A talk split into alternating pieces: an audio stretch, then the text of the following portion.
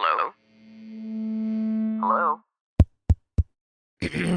Podcast Network Asia. Lisir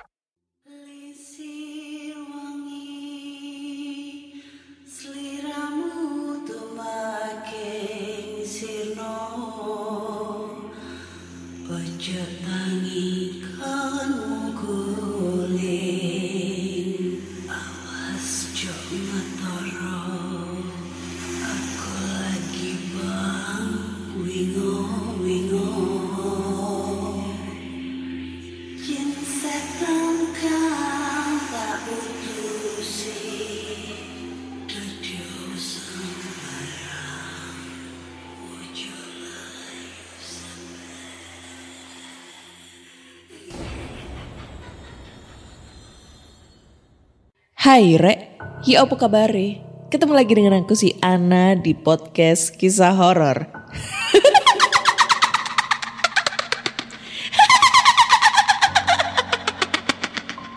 Ketemu lagi di episode 148 dan di episode kali ini aku akan bacakan cerita horor. Ataupun email berhantu yang sudah dikirim teman-teman melalui podcast kisah horor at gmail.com atau DM Instagram podcast kisah horor ya. Karena jarang banget nih yang kirim di DM pribadi aku. Gimana kabar kalian? Pastinya baik-baik aja ya. Aku mau minta maaf dulu sebelumnya kemarin hari Selasa nggak jadi upload episode terbaru ya karena ada ya kesibukan kesibukan di pekerjaan sehingga nggak ada waktu buat take podcast episode terbaru. Terus kemarin sih ya hari Sabtu itu aku ke Malang cuy ya kan healing.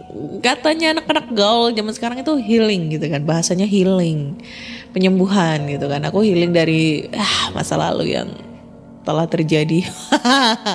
Ya pokoknya ke Malang lah ya. Terus sayang banget padahal di episode sebelumnya ya episode 147 itu ada judul namanya Hotel Niagara di Malang nah itu Padahal aku bermalam di luar, cuma bermalamku itu nggak di Malang, di Surabaya masihan gitu loh, di hotel Surabaya ya. Nggak kepikiran kalau eh, kayaknya kalau healing di Malang, nginep di hotel Niagara itu enak banget gitu loh. Kita sambil tag podcast, sambil live juga di situ. Siapa tahu pas kita bikin podcast di situ ada sesuatu hal yang tidak diinginkan gitu kan? Atau maksudnya ada hal-hal goib di sana ya, karena eh, hotel tersebut itu terbilang angker. Kemarin juga sempet aku videoin sih pas malam ya waktu mau balik ke Surabaya itu aku videoin eh, bentuknya hotel Niagara seperti apa. Dan itu masih aktif hotelnya sampai sekarang. Tapi mungkin kayaknya sepi ya itu hotel ya.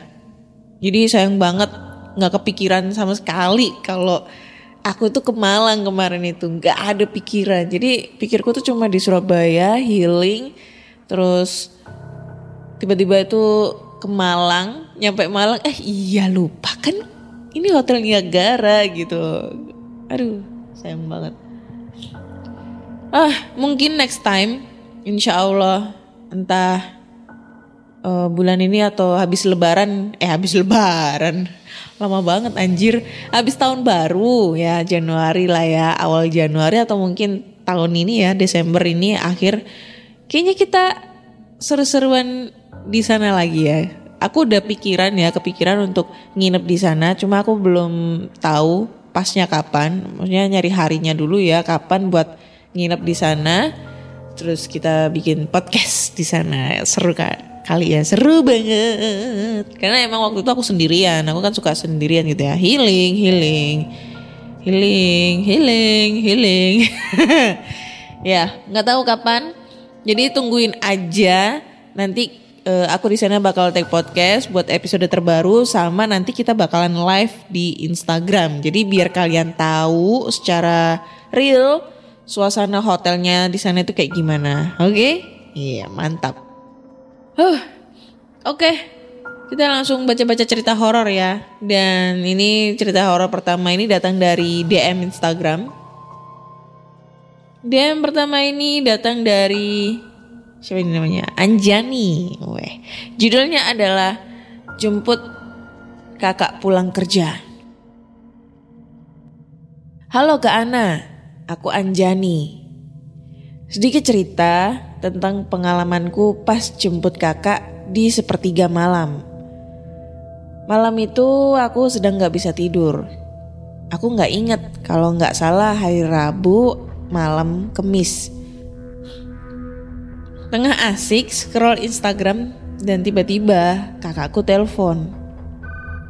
Bilang gini, Jani di mana? Jemput kakak di pondok Sukma Jaya ya. Aku jawab, kapan? Kakakku jawab sebentar lagi, 10 menit lagi kakak sampai.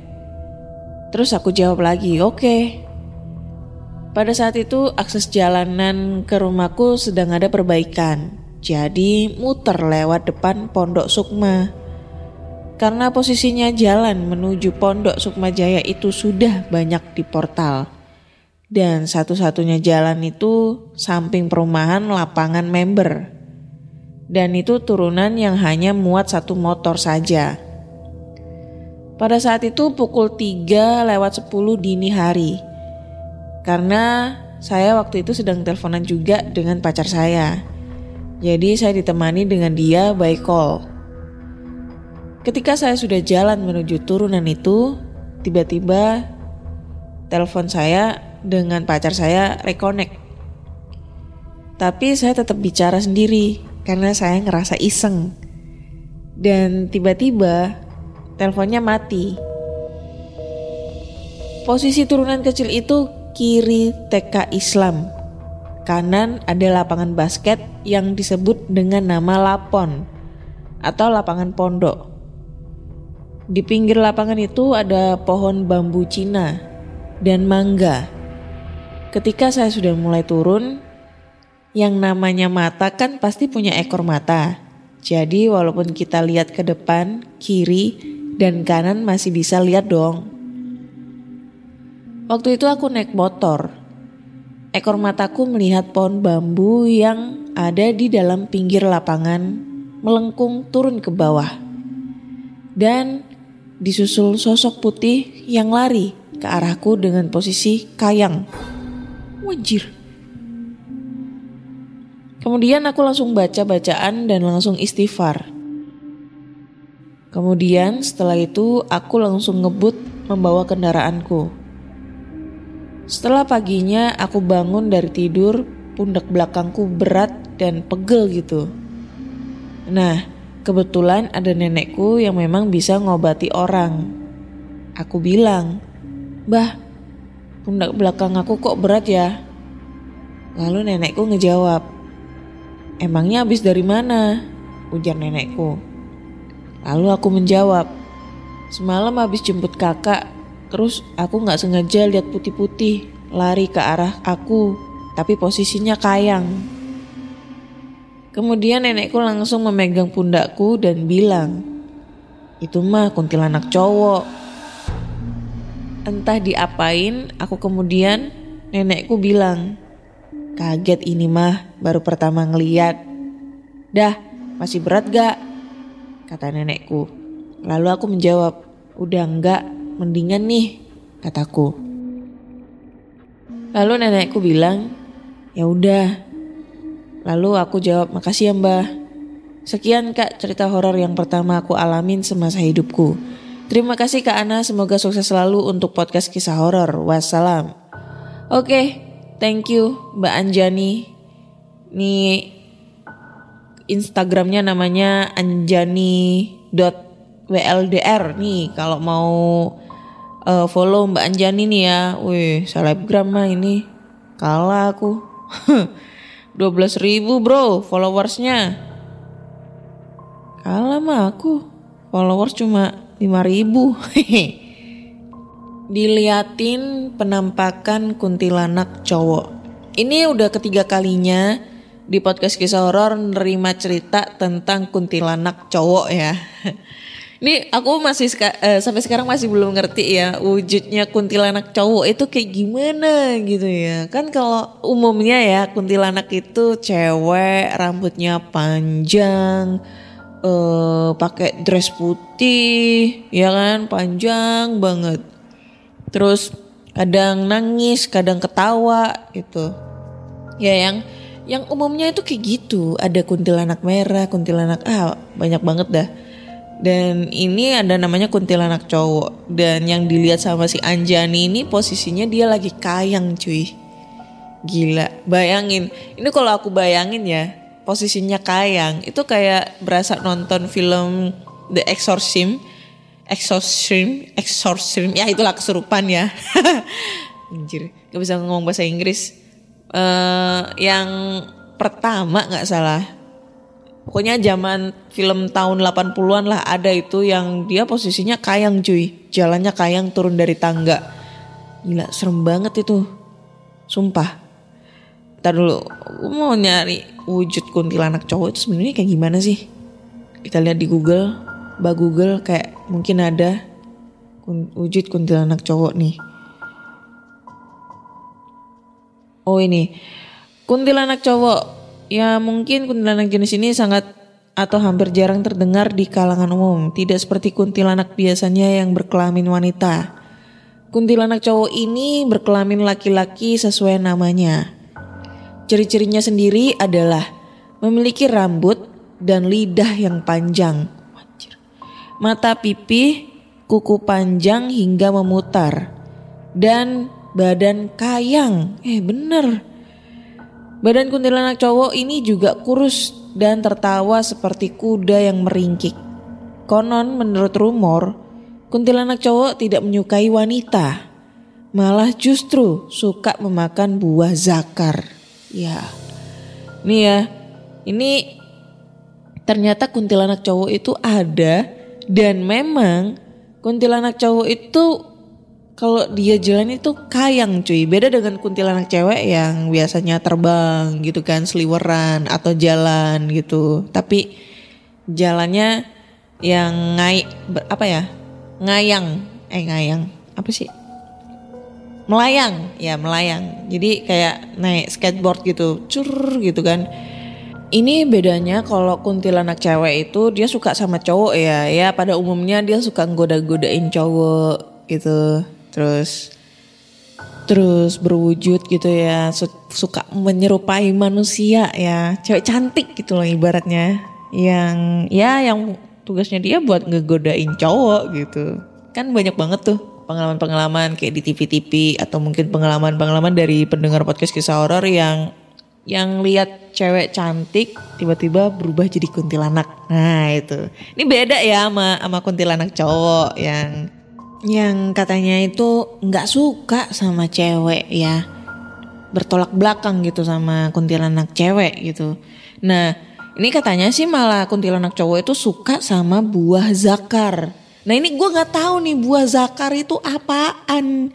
Apa seperti buah apel atau seperti buah jeruk atau mungkin buah mangga ya kan? Beneran gue nggak tahu. Nah berhubung kita tidak tahu ya dan ini pengetahuan baru tentang dunia perhantuan yang sekarang aku mengerti kuntilanak cowok itu wujudnya seperti apa dalam bentuk pandangan orang-orang ya. Kita tanyakan lagi kepada Mbah Google nih. Buah zakar itu apa ya? Kita ketik dulu ya. Buah zakar adalah Buah zakar, apa yang dimaksud dengan buah zakar? Eh, buah zakar adalah organ reproduksi pria berbentuk oval yang berada di dalam kantong di sebelah kanan dan kiri bagian belakang penis. Kebanyakan orang awam menyebut testis sebagai buah pelir atau biji kemaluan.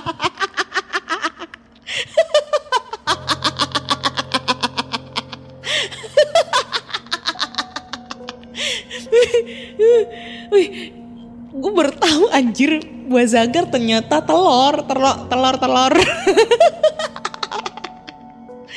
aduh, aduh, aduh, aduh, aduh, aduh, aduh, nggak bisa ngebayangin anjir.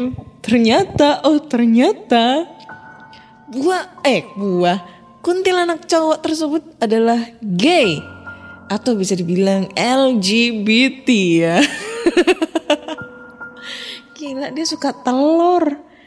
Wow, buat apa telurnya itu kuntilanak cowok?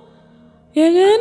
Kalau kuntilanak cewek mah wajar gitu ya. Cewek suka sama cowok, godain cowok gitu kan, godain ya menyerupai cowok gitu. Mungkin godainnya pakai ketawa-ketawa kayak atau mungkin pakai nangis-nangis terseduh-seduh gitu kan. Iya, itu masih wajar gitu loh. Dan ini gue baru tahu kuntilanak cowok itu sukanya sama buah zakar atau yang bisa disebut dengan telur gitu ya. Telur. Itu cewek seharusnya yang suka, bukan cowok yang suka gitu. Ya ini bisa dibilang nih LGBT nih. Ini cowok eh cowok kuntilanaknya LGBT ternyata ada ya di dunia perhantuan itu ada hantu yang LGBT ter- eh, seperti kuntilanak cowok suka banget sama buah zakar. Seriusan gue baru tahu buah zakar itu adalah itu punya Allah teman-teman yang cowok-cowok. Udah udah udah ngeres nih jadinya gue anjir ya thank you banget buat Mbak Anjani ya. Anjay. Mbak Anjani buat ceritanya. Anjir.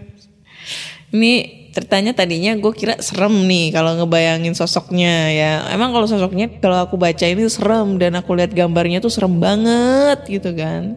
Tapi pas dijelasin kalau si kuntilanak cowok ini suka buat zakar bah jadi lucu gitu ya. Jadi ngerasa wah ternyata kuntilanak cowok ini suka sesama jenis. Waduh diapain anjir? Apakah dihisep-hisep juga atau aduh bahas lainnya ah. Oke lanjut. Goblok. Aduh udah ah. aduh sampai batuk-batuk anjir oke lanjut ke cerita kedua.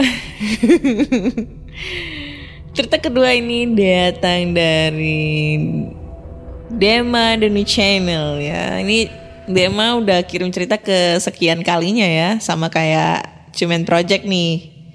Pendengar setia podcast kisah horor Widih Judulnya adalah Tikungan Horor KUD.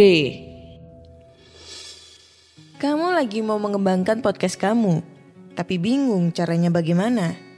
Mulai dari sisi performance-nya, menentukan rate konten kamu, sampai bagaimana cara memonetisasinya. Nah, coba deh cek Podmetrics. Podmetrics adalah platform yang bisa membantu kamu untuk lebih mudah melihat performa konten podcastmu. Lalu melalui Podmetrics, kamu juga bisa menentukan rate podcastmu melalui data yang tersedia. Serta bisa juga memonetisasi kontenmu dengan champion-champion dari brand yang cocok dengan podcastmu. Bahkan, Podmetrics juga bisa membantumu untuk mendapatkan inspirasi dalam membuat iklan pada podcastmu dengan contoh iklan yang sudah tersedia. Nggak ketinggalan juga, sekarang Podmetrics juga ada fitur Pod Earnings dengan berbagai metode pembayaran. Sehingga memudahkan kamu untuk mendapatkan penghasilan dari Podmetrics. Jadi, kalau kamu seorang podcaster, pastikan kamu mendaftar Podmetrics dengan memakai Podmetrics referralku. Klik langsung aja podlink yang ada di deskripsi box dalam episode ini. Assalamualaikum warahmatullahi wabarakatuh. Halo kak. Kembali lagi nih dengan aku. Ingin berbagi cerita yang kesekian kalinya. Mudah-mudahan ini cerita horornya dapat. Kalau belum ya coba lagi aja. Kali ini aku ingin menceritakan pengalaman horor yang dialami teman aku. Oke, langsung aja. Pagi itu temen aku pergi ke pasar, sebut saja Dinda. Dinda jangan marah-marah. Belanja keperluan untuk dagangan dia. Oh iya kak, Dinda ini memiliki usaha dagang nasi bakar dan juga minuman es. Seperti biasa kak, Dinda ini membuka warung makannya bersama adiknya. Mereka berangkat setelah azan zuhur. Dan tempat jualan mereka ini berada di taman yang berada di kawasan bendungan. Serasa semua persiapan sudah selesai, berangkatlah mereka berdua untuk menjajakan dagangannya. Sesampainya di sana, mereka membuka warungnya. Mereka berdua merapikan dagangannya sambil menunggu pembeli untuk membeli dagangannya. Biasanya dagangan mereka sudah habis sebelum matahari terbenam. Mungkin hari itu cuaca tidak berpihak padanya. Tiba-tiba mendung dan turun hujan sampai lama sekali. Hampir mendekati azan maghrib, hujan belum juga reda. Jadi dagangan mereka masih banyak. Terpaksa mereka menunggu pembeli sampai nggak terasa waktu sudah menunjukkan pukul setengah tujuh malam. Dan di taman sudah sepi, sudah tidak ada kendaraan yang lewat, berhenti sekedar membeli dagangannya. Terpaksalah mereka pulang, masih menyisakan dagangan banyak. Dengan keadaan masih gerimis, mereka memberesi dagangannya.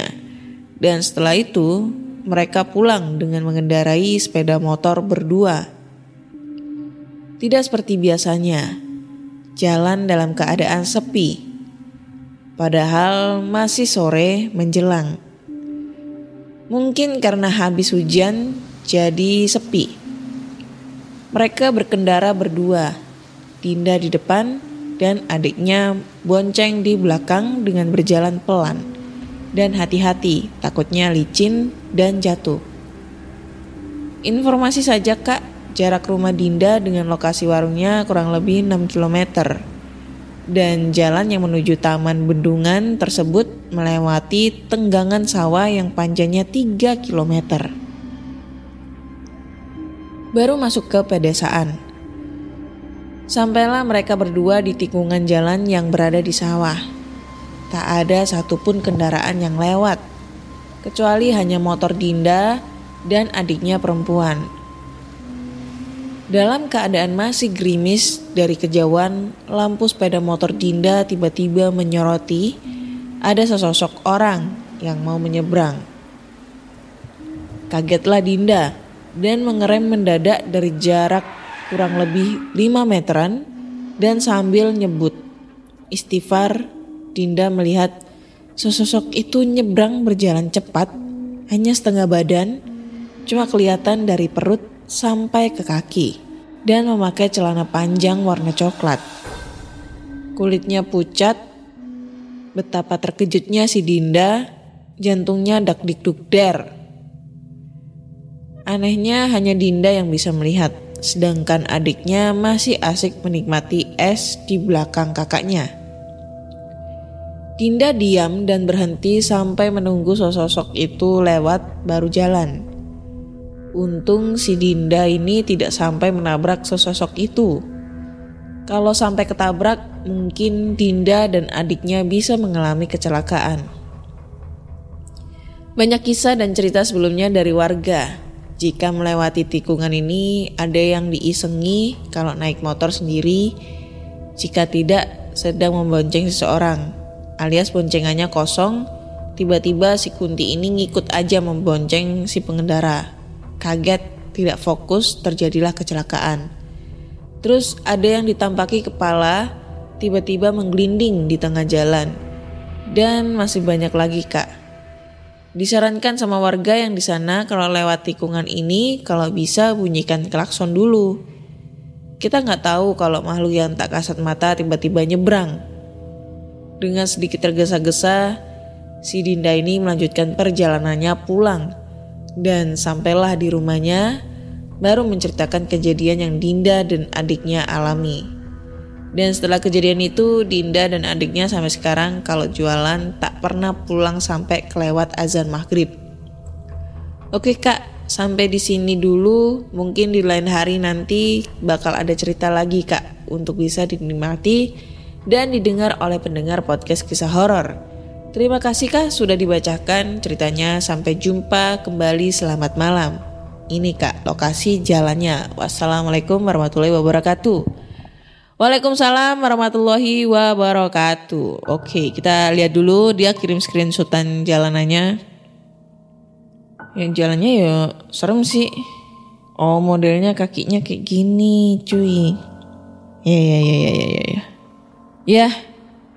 Emang ini biasanya udah udah banyak banget sih cerita tentang pengalaman horor yang ada di ya pokoknya kalau setiap kita ngelewatin jalan-jalan sepi terutama persawahan pasti banyak banget kejadian-kejadian horor nih yang kita temuin gitu kan. Termasuk ceritanya si Dema nih atau ceritanya temannya si Dema gitu kan.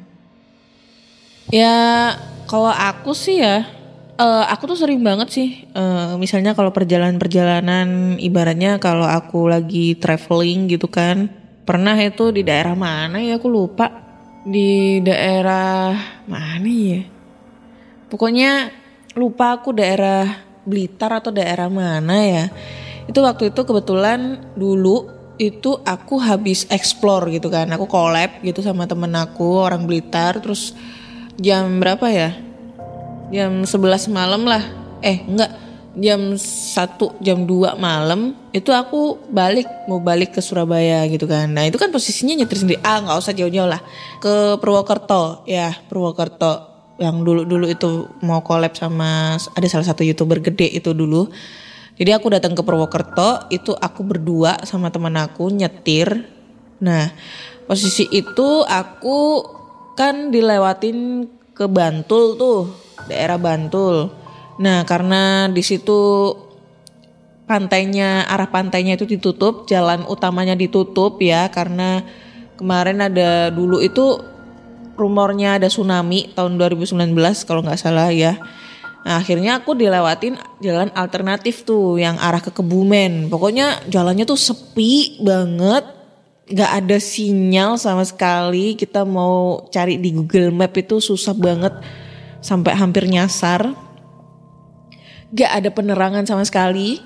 Penerangannya itu hanya lewat uh, kendaraan ya, kendaraan mobil itu Terus jam berapa ya waktu itu ya?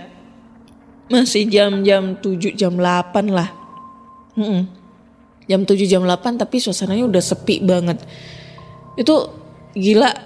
Waktu itu aku kepikiranku sih bukan masalah horor sih jujur ya, bukan masalah kita kena horor tak atau apalah.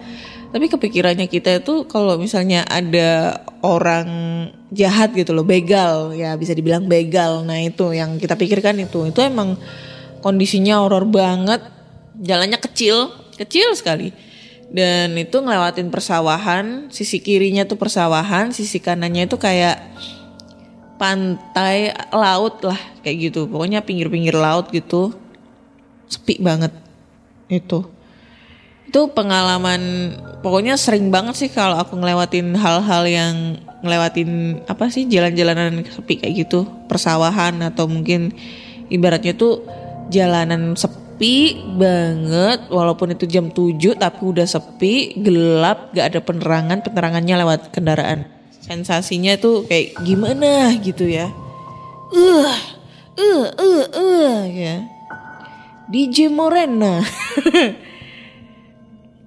Oke. Lanjut next ke cerita terakhir ya. cerita terakhir ini langsung aja kita bacakan. Judulnya adalah Nasib Teman Baikku. Halo Kak Ana, apa kabar? Baik. Semoga sehat-sehat selalu ya. Makasih ya udah ceritain dua ceritaku kemarin. Karena Kak Ana panggil aku Wiji, ya Wiji ya. Lupa deh. Jadi itu nama panggilanku di podcast kisah horor. Ya maaf ya. Kan katanya suruh nyamari namanya. Ya udah aku panggil Wiji aja gitu. Oke okay, Kali ini aku mau cerita tentang pengalamanku. Menurutku sih ini kisah sedih. Tapi sebagian orang di kompleksku katanya ini horor jadi aku memang udah tinggal lama banget di salah satu komplek kurang lebih 12 tahun. Dan selama aku tinggal, banyak teman baik yang datang dan pergi seiring mereka ikut pindah bersama orang tuanya. Aku punya teman baik di kompleks, totalnya enam orang. Dan ada satu orang yang dekat sekali denganku, namanya A. Dia perempuan dan berbeda satu tahun denganku. Aku lahir tahun 97 dan dia 96. Wah 97 mah aku udah SD kali kelas 1. Terlebih kami memiliki kesamaan sifat yang cocok. Hobi, dan lokasi sekolah SMA di kota Bandung. Sehingga hal tersebut yang membuat aku sangat dekat dengan A. Walaupun dia perempuan. Orang tua kami pun saling mengenal satu sama lain karena berprofesi yang sama. Sering sekali dia atau aku main ke rumah masing-masing. Bahkan makan di rumah By the way, A ini anak anak tunggal. Ayahnya sangat baik, begitupun ibunya. Kejadian ini aku masih ingat banget dengan baik karena memang dia teman baikku. Bulan Maret 2013. Pada saat itu aku baru saja membeli iPod Touch 5 yang baru keluar di Indonesia. Widih, mahal tuh. Dan akhirnya A mengajakku foto-foto dan akhirnya A mengajakku. Foto-foto yuk pakai iPod baru. Cie. Aku mengiyakan aja. Aku berfoto-foto dengan A banyak sekali jumlahnya dan setelahnya aku diajak ke rumahnya untuk memindahkan foto tersebut ke laptop. Di rumahnya aku bertemu dengan ibu A dan mereka dan A merajuk ke ibunya untuk dibelikan iPod yang sama seperti yang aku punya. Setelah itu aku pulang ke rumah dan tidak bertemu dengan dia dalam waktu yang lama. Dan kejadian yang menyedihkan dan mengenaskan pada awal bulan April 2013. Pada saat malam hari, aku sedang tertidur di ruang TV. Tiba-tiba, ibuku membangunkanku dengan sambil menangis. Wiji, ah kecelakaan.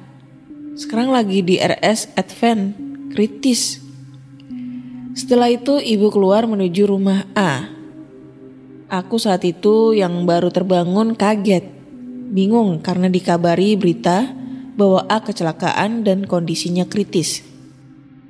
Aku sempat berpikir kalau kritis itu ada dua kemungkinan. Kalau tidak sembuh, ya meninggal. Aku tetap optimis dan berharap kalau A selamat. Setelah itu aku bergegas berganti baju dan menuju rumah A. Kondisi di rumah A tidak jauh dari rumahku, hanya berbeda lima rumah. Di sana sudah ramai sekali dan sudah dipasang tenda di depan rumah. Ibunya berada di kamar. Kata orang-orang, ibunya sedang berdoa dan kamarnya dikunci. Aku memutuskan untuk kumpul dengan lima orang temanku yang lain di sebelah rumah A. Di sana kami mengenang dan bercerita tentang A. Kurang lebih dua jam aku menunggu kabar. Ternyata ada kabar buruk bahwa bahwa A tidak selamat. Dia meninggal. Aku sangat sedih dan langsung menangis terseduh-seduh. Tidak peduli orang melihatku atau berpikir Kok laki-laki nangis? Aku benci dengan pikiran orang yang seperti itu. Aku tidak percaya sekali bahwa teman baikku meninggal dengan cepat dan kondisi yang mengenaskan. FBI, Kak. Aini meninggal pada saat pulang dari SMA ke rumahnya jam 7 malam ke atas. Berdasarkan kondisi olah TKP, dia mengenakan headset dan tidak mengklik helm yang dipakai. Kejadian, kejadiannya di Jalan Setiabudi, Bandung. Pada saat itu dia hendak menyalip. Namun dari arah berlawanan ada mobil Suzuki EPV warna hitam plat B yang menabrak dan menyebabkan teman baikku A terjatuh dan menyebabkan kondisi luka parah di kepalanya hingga retak dan berdarah. Setelah itu pelaku yang panik menyimpan A di pinggir jalan dan ditutupi koran dan langsung melarikan diri. Pada malam kejadian itu juga sedang berlangsung pertandingan bola antara Persib dan tim lain. Sehingga kondisi jalan pasti sepi. Orang yang menemukan A adalah pejalan kaki dan kaget karena ada sosok perempuan dengan kondisi berdarah-darah dan masih bernafas ditutupi koran. Setelah itu A dibawa ke RS dan segera pihak rumah sakit mengabari ayahnya dan provos menuju ke sana. Ke kembali ke kondisi kompleks. Aku sudah duduk di kursi tenda di depan rumah A. Ibu A yang mengetahui kabar bahwa anaknya sudah meninggal langsung berteriak histeris dan pingsan. Satu jam kemudian, rombongan provos mengawal ambulans datang membawa jenazah A. Aku sangat sedih dan berdoa yang terbaik untuknya. Dan keesokan harinya, A dimakamkan di daerah Padalarang. Yang membuat sedih Kak Ana harus tahu timeline kejadiannya. Eh 1A 1 April 2013 ayah A mendapatkan kenaikan pangkat. Betapa bahagianya. 3 April 2013 A meninggal dengan kondisi mengenaskan. 4 April 2013 A dimakamkan. Bisa dibayangkan betapa campur aduknya perasaan orang tua A pada saat itu. Setelah dimakamkan, ibu dan ayahnya tidak ada di rumah dan tinggal sementara di Padalarang selama beberapa bulan. Sehingga rumah A di kompleksku kosong. Kakak masih ingat Tante X dari cerita sebelumnya? Ya, Tante X berkata bahwa selama yasinan di malam hari, Tante X berka eh Tante X melihat A ada di rumahnya dengan kondisi yang sedih dan meminta didoakan. Katanya A sedih karena rumahnya kosong dan tidak ada kedua orang tuanya. Kejadian yang kata orang menyeramkan adalah ada seorang pegawai, sebut saja P, yang makan di warung yang berlokasi di belakang rumah A. Memang sewaktu hidup, A suka sekali nongkrong di situ bersama aku dan teman lainnya. Kondisinya pada saat itu, P beli makan di warung. Pada kondisi yang hujan gerimis mendung. Mbak, kok main air? Malah basah-basahan lagi hujan gini. Kemudian tak lama, ibu warung memberikan makanan ke P dan berkata, Om, tadi ngomong sama siapa?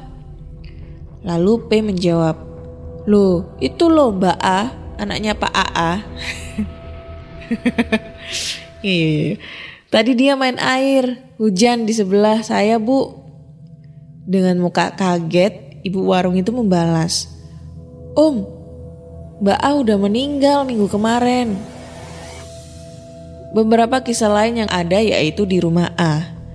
Karena kosong, beberapa remaja, sebutan pegawai yang masih muda, disuruh atasan untuk tidur di sana. Katanya mereka mendengar suara air di kamar mandi seperti ada yang mandi. Selain itu, ada suara yang menangis. Seketika berita-berita itu tersebar cepat di komplekku. Beberapa temanku ada juga yang dimimpikan, termasuk aku. Di mimpiku, A tersenyum dengan wajah ceria dan bersih bersinar. Dia tidak berkata apa pun di dalam mimpiku. Namun aku sangat senang sekaligus sedih karena sangat kangen dengan A. Setelah 40 hari, aku sudah bisa melupakan dan mengikhlaskan A. Namun aku baru teringat bahwa dua minggu sebelum kejadian, A memintaku untuk berfoto dan mengambil foto bersama dan mungkin itu adalah kenang-kenangan terakhir yang ingin A berikan kepadaku.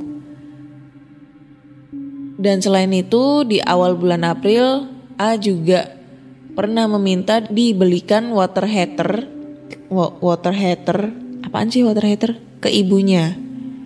Oh, water heater. Anjir. Eh apa nih? Katanya A ingin mandi pakai air hangat.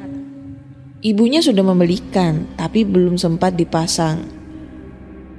Mungkin itu adalah tanda-tanda bahwa A ingin dimandikan dengan air hangat. Dan memang benar, pada saat malam hari jenazahnya dimandikan dengan air hangat di samping rumahnya. Mungkin itu adalah tanda-tanda yang hanya bisa kita sadari ketika A sudah tiada. Jadi untuk teman-teman semua, tetap berdoa dan berhati-hati saat mengendarai kendaraan. Jangan pakai headset dan gunakan helm dan sabuk pengaman dengan benar. Sampai saat ini orang yang menabrak belum ditemukan karena pihak keluarga memutuskan untuk mengikhlaskan kejadian tersebut. Dan aku hanya berdoa semoga pelaku mendapat balasan yang setimpal. Dan temanku A sudah tenang dan ditempatkan di tempat yang terbaik oleh Allah Subhanahu wa taala. Amin. Sekian Kak Ana ceritaku, terima kasih sudah dibacakan. Maaf kalau kepanjangan dan ini kurang horor. Aku lampirin satu foto terakhir di bulan Maret 2013 bareng A. Oh ini fotonya, dia kirim foto guys ya, foto waktu dia masih sama almarhumah ya. Cantik sih, cantik banget anaknya sumpah. Gua bohong gua. Dan jujur, jujur ya. eh, bukannya aku baper ya atau bisa dibilang drama. Ini gue sedih banget sumpah kalau ngedenger berita kayak gini. Nggak kuat ya. Kenapa aku bisa bilang kayak gitu? Ini ceritanya mirip banget sama teman aku. Anjir lah, gue jadi nangis inget-inget zaman dulu anjir. Eh, inget banget sama kejadian teman aku. Jadi ini aku punya sahabat ya, sahabat dari zaman SMP, SMP ya. Terus kita satu SMP di Surabaya dan rumahnya deket banget sama rumahku. Ya beda satu gang lah. Zaman dulu kita sering mainan gitu kan. Eh, dia cantik banget. Eh, ibaratnya primadonanya di sekolah ya. Aku dulu itu di SMP sering dibully sama teman-temanku karena jujur aku dulu jelek banget ya sampai sekarang juga masih jelek ya. jelek banget. Terus dulu itu masih ya eh, masih anak ABG ya. Dulu aku pernah suka sama cowok, terus cowoknya nggak suka sama aku dan kebetulan tuh cowok itu tiga tahun sekelas nih sama aku terus. Padahal setiap tahun, setiap naik kelas kita tuh kelasnya selalu diacak nih, anak-anaknya selalu diacak. Tapi nggak tahu kenapa aku selalu sekelas terus sama itu cowok. Jadinya aku dibully selama tiga tahun berturut-turut karena aku emang suka sama dia itu dari kelas 1 gitu. Terus eh, kita ikut ekskul bareng volley. Kebetulan dia juga anak volley. Habis itu eh, kita juga ikut klub volley bareng ya. Pada sampai pada suatu saat itu eh, kita marahan tuh, marahan pas SMA. Karena emang kita SMA-nya nggak nggak bareng. Waktu itu aku masuk di farmasi Kediri ya, dia SMA di Surabaya. SMK 4 kalau nggak salah ya. Terus sempet kita marahan, nggak tahu kenapa ya marahannya ya marahan anak-anak zaman dulu lah. Masalah salah paham gitu ya, salah paham gitu. Sampai pada akhirnya 2009, 2009 apa 2000, eh, 2010 lah ya, nggak salah 2010 eh, temen aku meninggal pada saat kecelakaan waktu dia mau berangkat kerja. Nah itu. Meninggalnya deket sih nggak jauh dari rumah, mungkin jarak sekitar 3 sampai 4 km. Sama kejadiannya. Tapi posisinya dia ini ada di lampu merah, terus pas dia mau lurus mau kan dia kan ini kan pertigaan pertigaan lampu merah dia posisi yang lurus nah pas posisi dia mau jalan lurus ada mobil dari arah tikungan itu dari lawan belokan belokan lah ibaratnya dari pertigaan itu dia itu nyerobot nyerobot lampu merah. Karena kan mau mau itu sih mau merah dari kuning mau merah. Nah dia tuh ngebut gitu loh biar nggak kena lampu merah. Jadinya dia ngebut. Nah pas itu waktu itu temanku jalan. Ditabrak jeder posisinya sama. Dia pakai helm nggak diklik helmnya dia langsung meninggal seketika di situ karena emang kehabisan darah dan kepalanya kebentur beton di pinggir jalan gitu. Pembatas jalan gitu kan. Terus dia meninggal.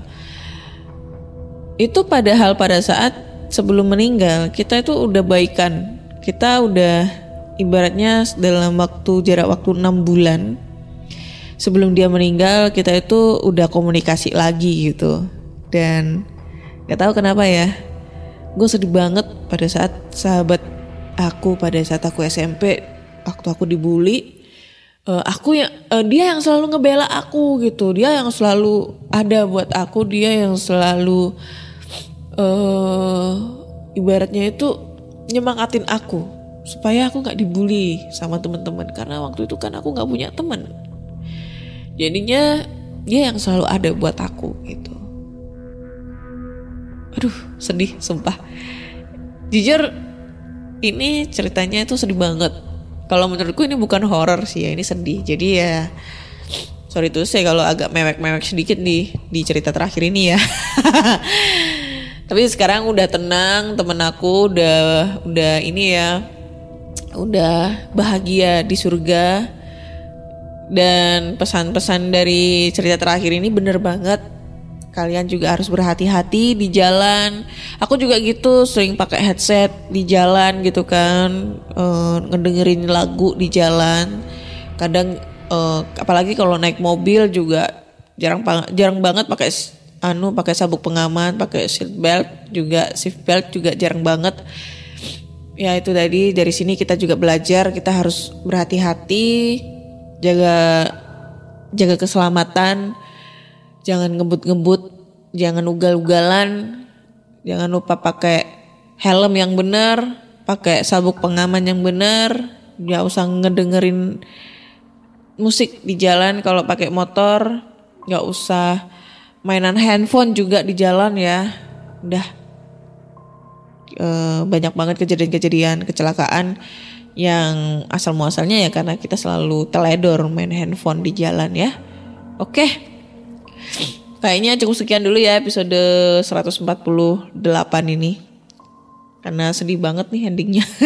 Walaupun di cerita awal kita sedikit tertawa-tawa akibat uh, buah zakar nih ya. Buah zakar ya.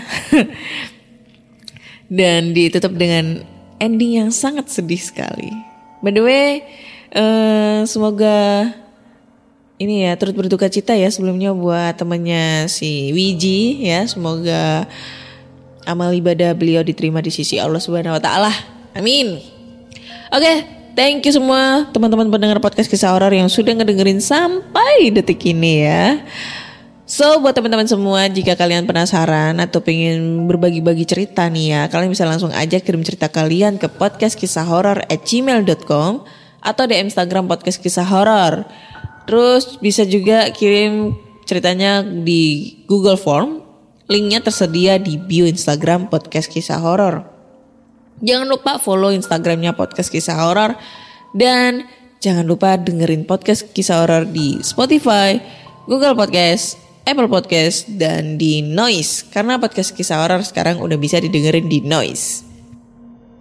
Terima kasih semuanya dan sampai jumpa. Pandangan dan opini yang disampaikan oleh kreator podcast, host, dan tamu tidak mencerminkan kebijakan resmi dan bagian dari podcast Network Asia. Setiap konten yang disampaikan mereka di dalam podcast adalah opini mereka sendiri dan tidak bermaksud untuk merugikan agama, grup etnik, perkumpulan, organisasi, perusahaan, perorangan, atau siapa pun dan apa pun.